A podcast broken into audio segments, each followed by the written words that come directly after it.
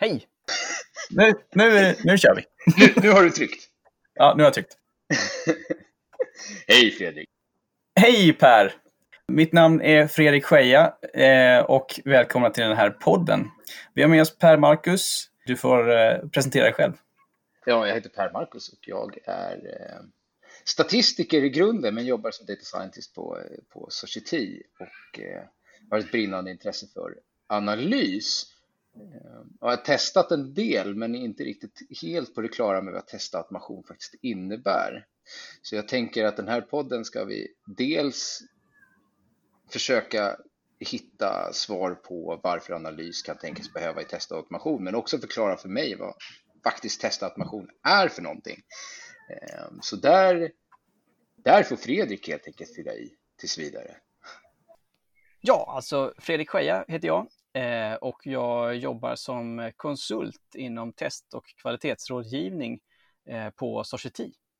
Ja, och vad gör vi här då? Jo, eh, jag har jobbat inom mjukvarutest ett tag nu och har sedan länge insett att eh, bara för att vi utvecklar mjukvaran och bara för att vi nu i och med detta vet att den här nya coola knappen eh, går att trycka på i vår produkt eh, så är inte testarbetet färdigt där. Det är inte så, så lätt eftersom eh, den där nya funktionen, den erbjuder slutanvändaren en, en, ny funktionalitet och det kan leda till oanade konsekvenser, längre svarstider eller annan typ av användarupplevelse.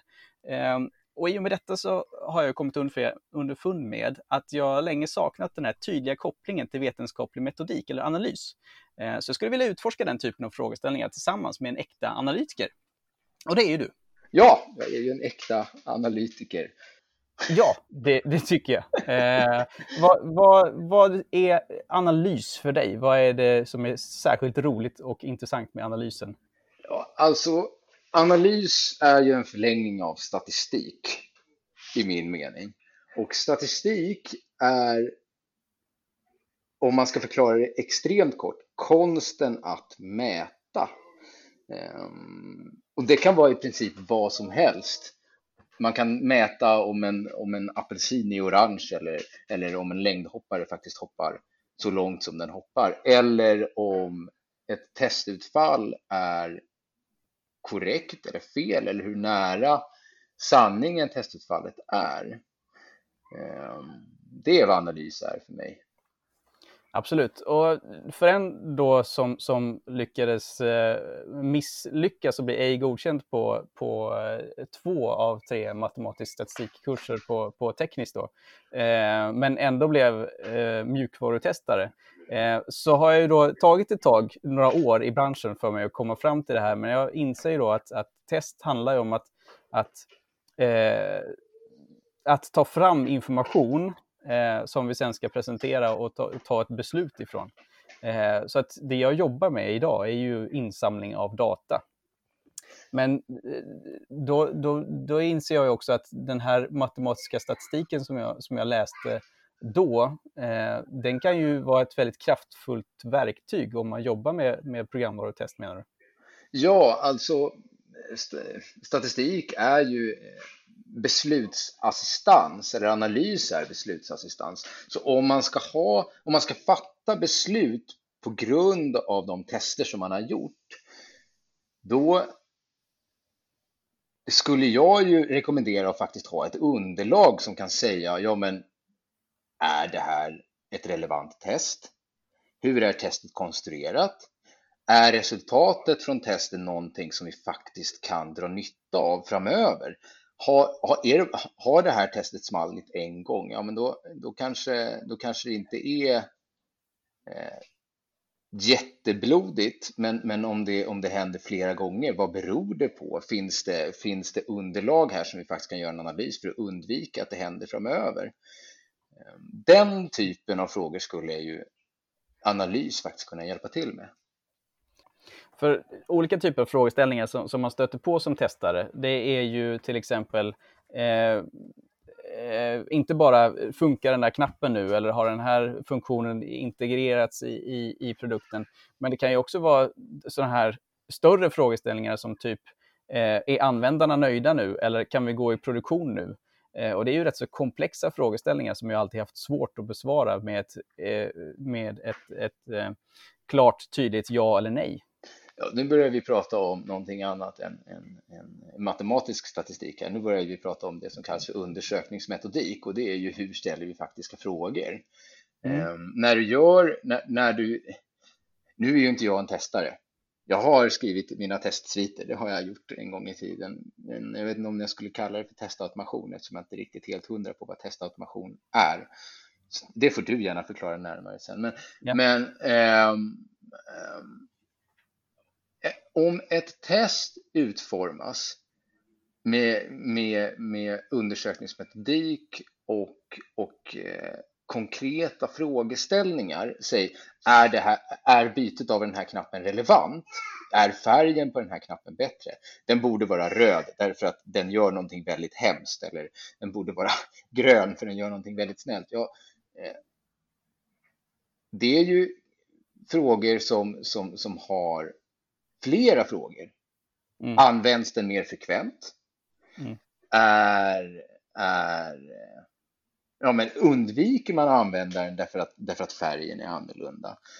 Um, kommer inte på några fler på rak arm som, som, Precis, som men... faktiskt går att ställa, men alla de frågorna är ju relevanta för att faktiskt kunna göra en analys av det senare. Absolut. Så, så du menar att, att en sån stor businessfråga som typ ska vi gå i produktion nu eller är användaren mer nöjd efter den här förändringen, de bör vi bryta ner till olika typer av, eh, vad ska man kalla det för, indikatorer som vi behöver mäta på, eller som är mätbara? I analys så säger, så, är ju, så säger ju folk att ju mer data, desto desto bättre. Det är inte alltid nödvändigtvis sant, för man kan ju gå in i absurdum och beta av saker och ting ner i tusentals små frågor som är helt irrelevanta.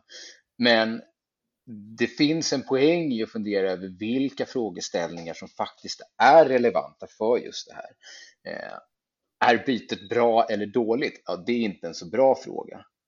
Men när man väl är på plats och man vet vad det här bytet faktiskt har för konsekvenser för, för användarna och funderar lite på det, ja men, men ställ frågorna ut efter det. Börja mm. kanske med att ställa, är det här bra eller dåligt? Och får du inte ut det resultat som du vill ha, ja men gör om testet. Säg, eh, men gör inte för mycket. Nej, precis. Men kan det inte bli för mycket data då? Kan man inte få för mycket data med det? Eh, jo, man kan få för mycket data för att besvara en enkel fråga, men eh... Just det. Men sen gäller det att kunna leta efter, eh, dra ut, kunna ha möjlighet att dra ut insikter ur all den här datan eh, som på något vis eh, vi kan agera utefter. Det är därför man har analytiker. Analytikerns mm. ansvar eller jobb är att ta reda på vilken data som faktiskt är relevant för frågan och sen så modellera den datan för att hitta de bästa resultaten eller de bästa mm. möjligheterna för att kunna gå vidare. Så var eh, skulle vi kunna eh, använda oss av eh, analytiker i, i mjukvarutest på ett bättre sätt menar du?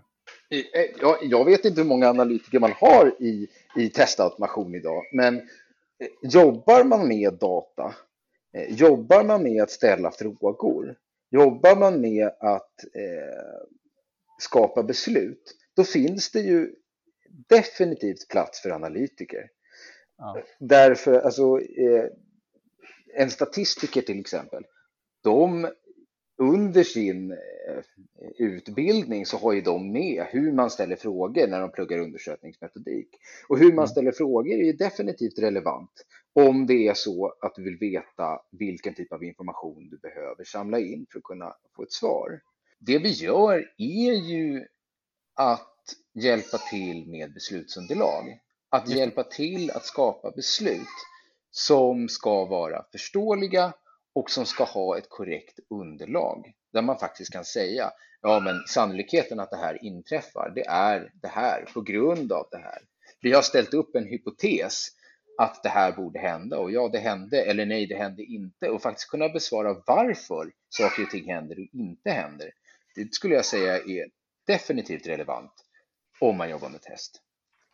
Ja, test har ju länge ansetts vara eh, frikopplat från eh, vetenskaplig metodik på så sätt att, att man, pratar inte, man pratar inte hypoteser, man pratar inte konferensintervall, man pratar inte eh, den här terminologin som man en gång lärde sig när man, när man pluggade statistik.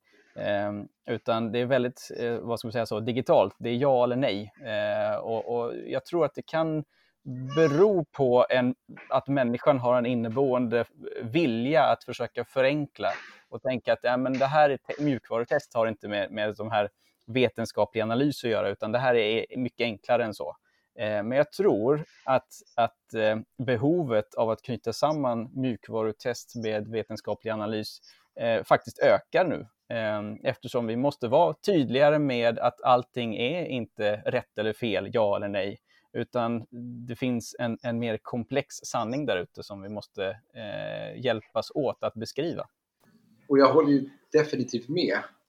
För att koppla ihop det här så kan jag dra en historia. Jag har en bekant som jobbar på ett bolag med en förhållandevis stor maskinpark där maskinerna stannar emellanåt, så där som det gör i produktions... Så vi, näm vi nämner inte det här bolaget? Vi nämner inte bolaget vid namn. Eh, Nej. Men jag tror det är så vanligt. Jag, jag, tror också att det är ganska vanligt.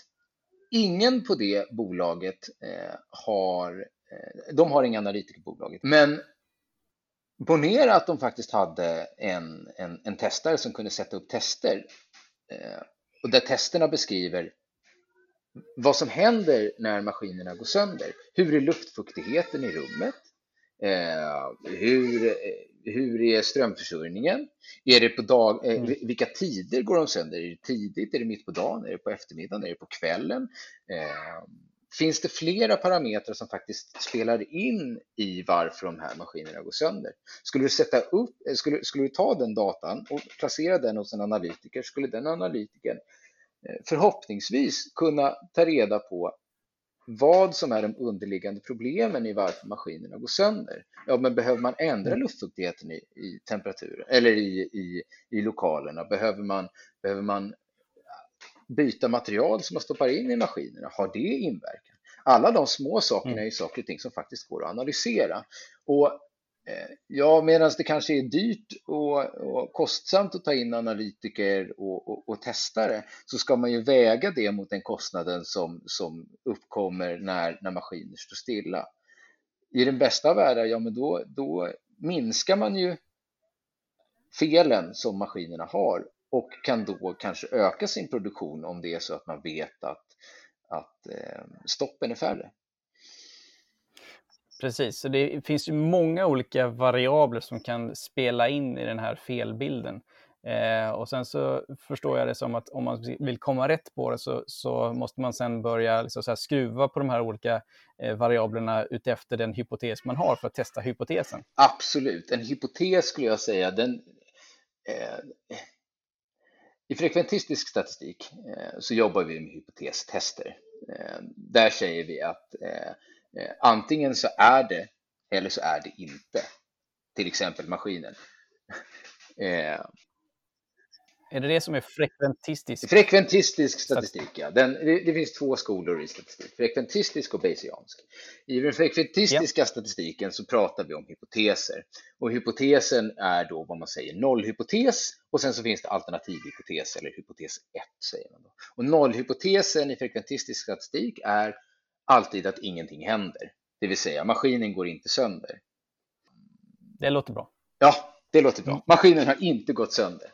Sen så kan det ju vara, eh, sen så finns det olika intervall för de här, för de här hypoteserna. Det kan vara eh, ingenting händer, det händer mer än att ingenting händer eller händer mindre. Eller så händer någonting. Ja, i, I fallet den går sönder eller går inte sönder, ja men då, då är det ju så att ja, eh, nollhypotesen är att den går inte sönder. Sen så ställer man upp en fördelning över det här och för att ta reda på varför, vad, vad som faktiskt händer. Och, eh, mm. Så får man ju då också definiera vad det är att den inte går sönder. Ja, men om eh, maskinen producerar x antal enheter per dag, ja, men då är det okej. Okay. Eh, då är den inte trasig. Men om, om den producerar mindre än, ja, då är den trasig. Därför då har den förmodligen haft stopp under dagen till exempel. Mm. Ehm, Eh, vad, vad skulle man kunna då använda det här till eh, i, i eh, operativt mjukvaruutveckling? Eh, hur skulle man kunna få in den här typen av sätt att tänka eh, lite mer, tror du? Vad är det som är, är den största eh, värdet i att, att tänka så här? Ja, det är ju faktiskt att kunna få upp svar på om saker händer, varför händer de? Just det. Och, eh, Orsak och, och, och samband, och orsak och verkan. precis, orsakssamband. Nu börjar vi prata om Mm. kausalitet här. Ja, alltså korrelation och kausalitet är, är ju eh, två ord som beskriver samband. Och korrelation är det som man oftast ser i, i, eh, på tv till exempel när de pratar om eh, samband. Och Mm. det som oftast används om man tittar på presentationen, någon säger att kolla här, korrelationen är fantastiskt hög. Gud vad bra! Men en hög korrelation betyder inte att det är ett orsakssamband. Kausalitet däremot, det betyder orsakssamband. En hög korrelation, det kan uppstå mellan de mest absolut spännande saker som om man ska vara lite morbid då, eh, antalet nyinspelade Nicolas Cage-filmer och antal personer som hänger sig i USA. Eh, Just det. Aj, är, ja. är, den korrelationen är jättehög. Ja. Och, men, men varför är den det? Förmodligen så finns det ju inget samband, eller med största sannolikhet så finns det ingen samband, men, men det finns ju ett samband. Men det är inte kausalt, Nej, därför att filmerna eh, borde inte påverka antal människor som hänger sig och antal människor som hänger sig borde inte spela in på hur många roller som Nicolas Cage får. Så det är inget klart samband däremellan. Det är inget klart samband däremellan. Korrelationen är hög. Just. Så man ska vara försiktig när man tittar på korrelation. Och så ska Mm. man fundera på, är det faktiskt så att det här sambandet är rimligt? Mm. Det är först när vi pratar om kausalitet där man kan säga ja, datan, eh, datan, i det, eh, som, som flödar in, eh, datan i det här flödet leder till att det här testet smäller. Det är ett kausalt samband. Just det. Då vet man att man Eh. har ett tydligt orsak och eh, verkan, Verkanssamband. verkanssamband. Och, Så, så orsak och verkan, ja det är kausalitet. Mm. Och det är det man, det är det vi det, det, det är de kausala sambanden som vi är ute efter att hitta i, i, eh, i analysen. Sen så är korrelation ett verktyg för att komma dit. Men det är inte svaret. Så korrelation är ett lösare samband. Korrelationen beskriver den, det linjära sambandet mellan två stycken entiteter. Som till exempel Nicolas Cage-filmer Ja. och folk som hänger sig. Det. Det är ett linjärt samband, men inte ett kausalt samband. Eller att vi eh, bytte färg på den här knappen och eh, 20 av, av användarna trycker numera fel. 20% av användarna är fel.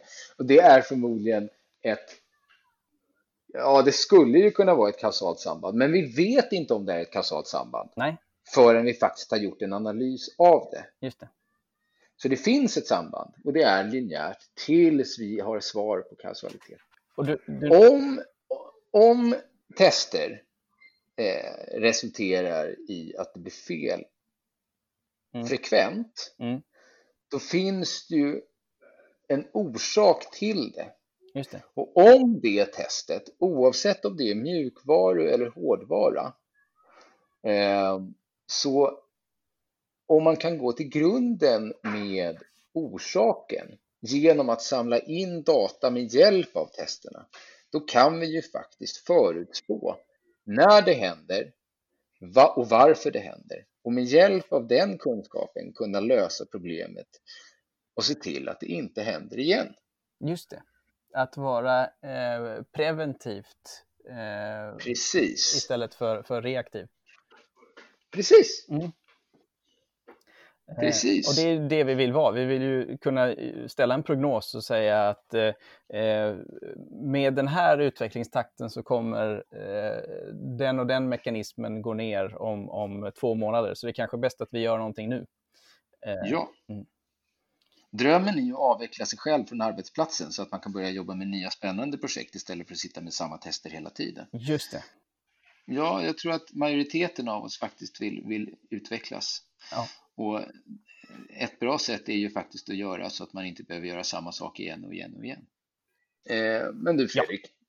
det här med, med testautomation. Jag har ju skrivit en del tester i produktionsmiljöer för, för statistik och statistiska mm. tester. Men, men vad, vad är testautomation om du får, får beskriva testautomation? Alltså jag ser ju, det ordet är ju uppdelat av, av två ord. Det är ju test och automation. Eh, och test för mig är ju eh, insamlande av data. Eh, och automation eh, är ju med hjälp av maskiner. Så det är hur vi samlar in data med hjälp av maskiner skulle jag vilja säga. Eh, och, och, det kan ju göras med alla typer av maskiner, men, men eh, i stort sett så, så, historiskt sett så har det varit en, eh, någon typ av skript som, som, som motionerar eh, mjukvaran som vi utvecklar på något sätt och sen så att man då samlar in eh, sen hur mjukvaran eh, svarar av gentemot den inputen som man stimulerar med det är ju eh, praktiskt för oss analytiker när datan är insamlad så att vi kan göra analyser på den tycker jag. Eh, men, men eh, när du sitter och gör de här testerna, vad, vad ser du som, som svårigheterna i insamlandet av, av datan? Ja, många gånger så är det ju att systemen kanske inte har utvecklats med eh, den synen redan från början att den behöver kunna eh, vara analyserbar eh, med hjälp av maskiner. Eh, men mm. det som du säger sen, analysera resultatet. Var det här eh, bra eller dåligt? Om vi kör ett, ett test 50 gånger och 45 eh, av dem är, är godkända, vad betyder det för verksamheten? Eh, att, att, att, analysera resultatet, där är vi ju fortfarande rätt nollställda. Eh, och, och överlämna det till någon annan typ av beslutsfattare som också inte heller har någon kanske analytisk förståelse eh, för, för hur vi ska tolka de här resultaten. Ofta så säger vi ju att test bara tar fram beslutsunderlag. Eh, men mm, så att säga, analysen är det ju ingen som på något vis eh, tar ansvar för heller. Eh, utan vi säger att ja, vi tar fram beslutsunderlaget. Eh, fast beslutsunderlaget måste ju innehålla någon typ av analys också. Så du skulle alltså säga att det ni, det ni tar fram, det är inte beslutsunderlaget utan det är analysunderlaget som ja. sen ska bearbetas? Och det som, som du säger, att, att med en enkel frågeställning Eh, som typ, har den där knappen ändrat färg från, från rött till grönt? Eh, då, då kan vi svara av, för den analysen är väldigt enkel, så vi behöver inte använda några, några avancerade analys, analytiska modeller för att svara av den frågeställningen. Men när det handlar om svår, svårare frågeställning, eh, kommer den här förändringen leda till en, en ökad svarstid för slutanvändaren och kommer det vara eh, tillräckligt bra ändå?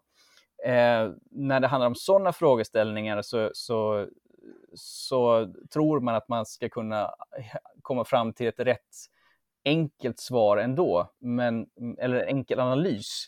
Eh, men det går ju inte. Vi måste ju ha andra typer av verktyg att, att ta till där. Hur tänker du med andra verktyg? Du menar, menar analytiska verktyg, analytiska ja, modeller? analytiska modeller, analytiska, eh, analytisk förståelse. Eh, det som man har i, i industrin idag, data scientists som jobbar med, med eh, kunddata för att ta, ta reda på viktiga affärsbeslut åt, eh, eh, åt verksamheten. Eh, den typen av data scientist sitter oftast inte och tittar på utvecklingsdata, eh, på testresultatsdata som vi tar fram. Eh, den, den, den mognaden av analytisk förmåga finns inte i utvecklingsteamen idag. Så du känner att idag får du agera både testare och analytiker för att kunna skapa eh, beslutsunderlag? Ja. Och du saknar och ditt team kanske saknar delar av den kompetens som du känner att ni behöver för att kunna skapa ett korrekt underlag? Absolut. Eh, just analysdelen faller mellan stolarna, mellan den som tar fram eh, underlaget mm. Eh, och den som tar emot underlaget som då tror att analysen är, är gjord på ett professionellt sätt. Men den har helt enkelt bara kortslutits. vilket då kan leda till att beslut fattas på felaktiga grunder. Absolut, det finns den eh, potentiella risken, ja. Mm. Så om du ska vara med och sätta upp eh, tester för, för, för en ny produktionskedja då, hur, hur tänker du att vi skulle gå tillväga för att vi faktiskt skulle få in analys i det här?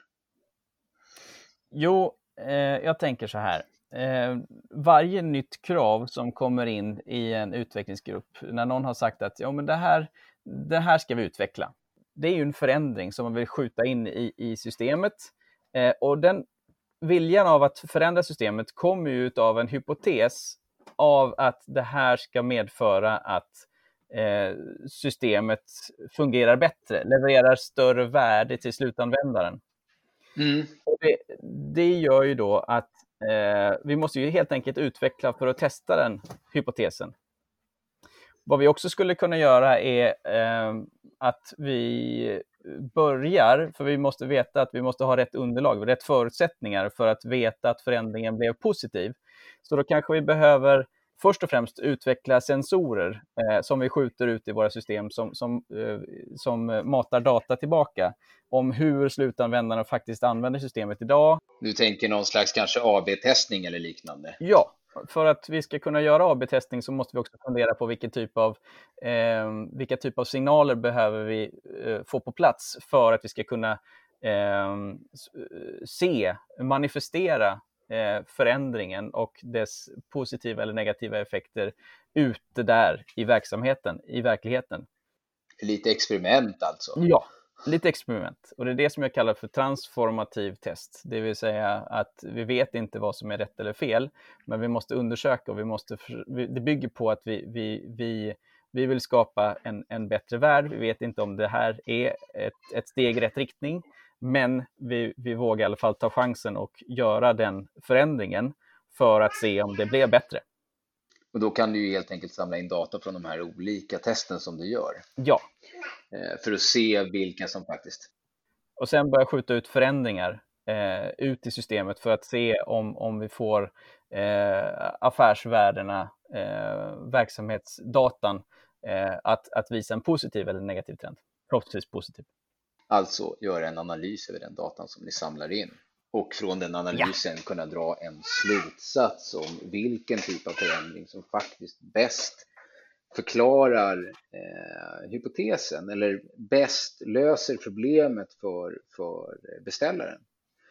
Ja. Eh, sen så ser jag det här att som det är de flesta tester eller de flesta analyserna, att det bara går runt och runt och runt. När man väl har svar på en fråga, men man ställer en ny fråga, ställer en ny hypotes, tar reda på eh, ta reda på andra saker. Finns det andra lösningar som skulle kunna vara bättre? Men där är ju också frågan hur långt man vill gå. När är man färdig? Är man någonsin färdig? Ja, Nej, det, är ju så, det blir ju ett cykliskt eh, arbetssätt. Mm. Att hela tiden när du, när du har fått en hypotes eh, eller ett krav eller en ny förändring på plats eh, så föder det idéer till andra typer av vidareutveckling. Mm. Ehm, mm. Det, det, är så vi, det är så vi lär oss eh, från att vi var små. Eh, och både du och jag har, har småbarn eh, ja, min kommer här. i våra liv. Och vi ser ju det, att, att det är så vi lär oss när vi är små. Vi testar, vi utforskar, eh, vi vågar ta beslut. Vi vågar klättra väldigt högt, även om våra föräldrar säger gör det inte. Ehm, och, och eh, den naturliga nyfikenheten är det som eh, delvis test också kan hjälpa till att stilla genom att ta fram data, eh, genom att eh, erbjuda insikter mm. Eh, tillsammans med analys. Då. Eh, men det jag säger att test för mig, det ska stilla två, typ, två typer av våra basala eh, känslor och dels är det att vi ska känna oss trygga Eh, med den utveckling som vi gör, men vi ska också stilla vår nyfikenhet. Och där finns det en balans. Om vi bara fokuserar på att vi ska känna oss trygga så hämmar det utveckling. Eh, men eh, om vi bara fokuserar på vad händer om nyfikenheten så kan det leda till en, en överjärvighet kan man säga. Eh, som bara fokuserar på att vi testar nya grejer hela tiden och då kan vi eh, på sikt riskera vår verksamhet. Alla barn ramlar eh. många gånger innan de lär sig gå. Absolut, och det är en konst att lära sig att ramla på ett bra sätt. Eh, och det är en konst att bli eh, trygg med att ramla. Eh, och, men det är ett, också ett, ett hantverk. Det finns eh, stuntmän som har övat det där med att, att eh, det ska se väldigt farligt ut, men de gör det på ett säkert och tryggt sätt. Eh, och jag tror att det är ett hantverk som även utvecklingsgrupper måste träna på. Att oj, hur vågar ni eh, trycka ut det här i produktion? Jo, men vi har de här tekniska mekanismerna som gör att det skyddar oss. Mm. Om det plötsligt visar sig att vi börjar tappa eh, 5% av vår revenue eh, så rullas den senaste deployment tillbaka automatiskt. Ja, det verkar väl rimligt att den ska göra det. Men eh, ja, det finns ju en, det finns ju en, en, en, stark koppling mellan test och barn, kan man väl säga, när jag sitter och tittar på knodden här. Eh, det finns blöjor i badrummet, första hyllan ovanför toaletten. Nej, andra hyllan ovanför toaletten, det är den smala, grova. ja, som, ni, som ni märker så finns det många olika typer av eh, tankemodeller och frågeställningar som jag och Pelle kommer utforska eh, vidare tillsammans här. Eh, I kommande avsnitt kommer vi bland annat gå in på hur vi från test bör förhålla oss till experiment. Vad är ett experiment i vetenskaplig mening? Eh, vad är data och i vilken data kan vi samla in samt utforska eh, ja, bara en sån sak som hur vi bör uttrycka oss när vi formulerar en slutsats. Så jag tackar dig Pelle för den här gången. Ja, men tack själv. Det har varit jätteroligt att vara med. Ja, vi hörs. Det gör vi. Ha det bra. Hej! Hej!